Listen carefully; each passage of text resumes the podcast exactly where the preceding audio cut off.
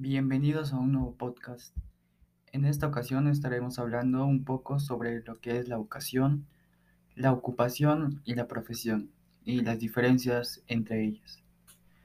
Eh, primero vamos a ver qué es la definición de cada una. La vocación es una llama interna, una necesidad del individuo de lograr metas idealistas que a menudo tienen que ver con la mejora del mundo la innovación, la solidaridad y la ayuda al prójimo. La ocupación se trata de la acción de ocupar un puesto o un rol laboral para, para recibir un salario sin necesidad de tener, de tener una vocación o una profesión. Y por último, la profesión es una actividad que profesa, es decir, adopta y estudia conscientemente. Y bueno, ahora pasemos a hablar cuál es la diferencia entre ellas. Pueden parecer muy equivalentes sus términos y definiciones, pero la vocación y la profesión son vocablos completamente distintos. El primero está relacionado con lo que te gusta, tu sentido en la vida, mientras que el segundo es un término utilizado de manera general, para hacer alusión a la ocupación, oficio o actividad de una persona. Y ahora la tercera pregunta, ¿qué esperas de la carrera que elegiste? Eh, yo espero que, que, la disfrute y mientras que la disfrute estoy seguro que me, que me va a ir muy bien.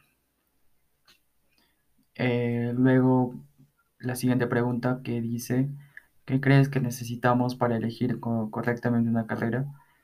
Eh, es, para mí es encontrar algún, algún área o oficio del que eh, disfrutemos hacer, es decir, que no nos aburramos y que no lo consideremos como un trabajo, sino más bien como, como una pasión.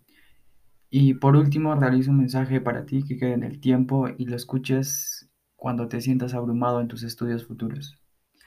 Que bueno, eh, primeramente, eh, alguna vez te sientes como frustrado en tu carrera, eh, solo recuerda que todo, esfuerzo eh, tiene su recompensa. También que eh, en el fondo sabes que tu carrera que has escogido te ha gustado desde siempre, así que es como una pasión tuya. Así que si algún momento sientes que quieres abandonarla, eh, solo vuelve a enfocar tus metas, a dónde quieres llegar y compararlas cuando eras niño eh, o joven, cuáles eran tus metas antes y ahora. Y mira la diferencia y sabrás si ha cambiado tu manera de pensar realmente. Y bueno, esto sería todo y gracias por escuchar.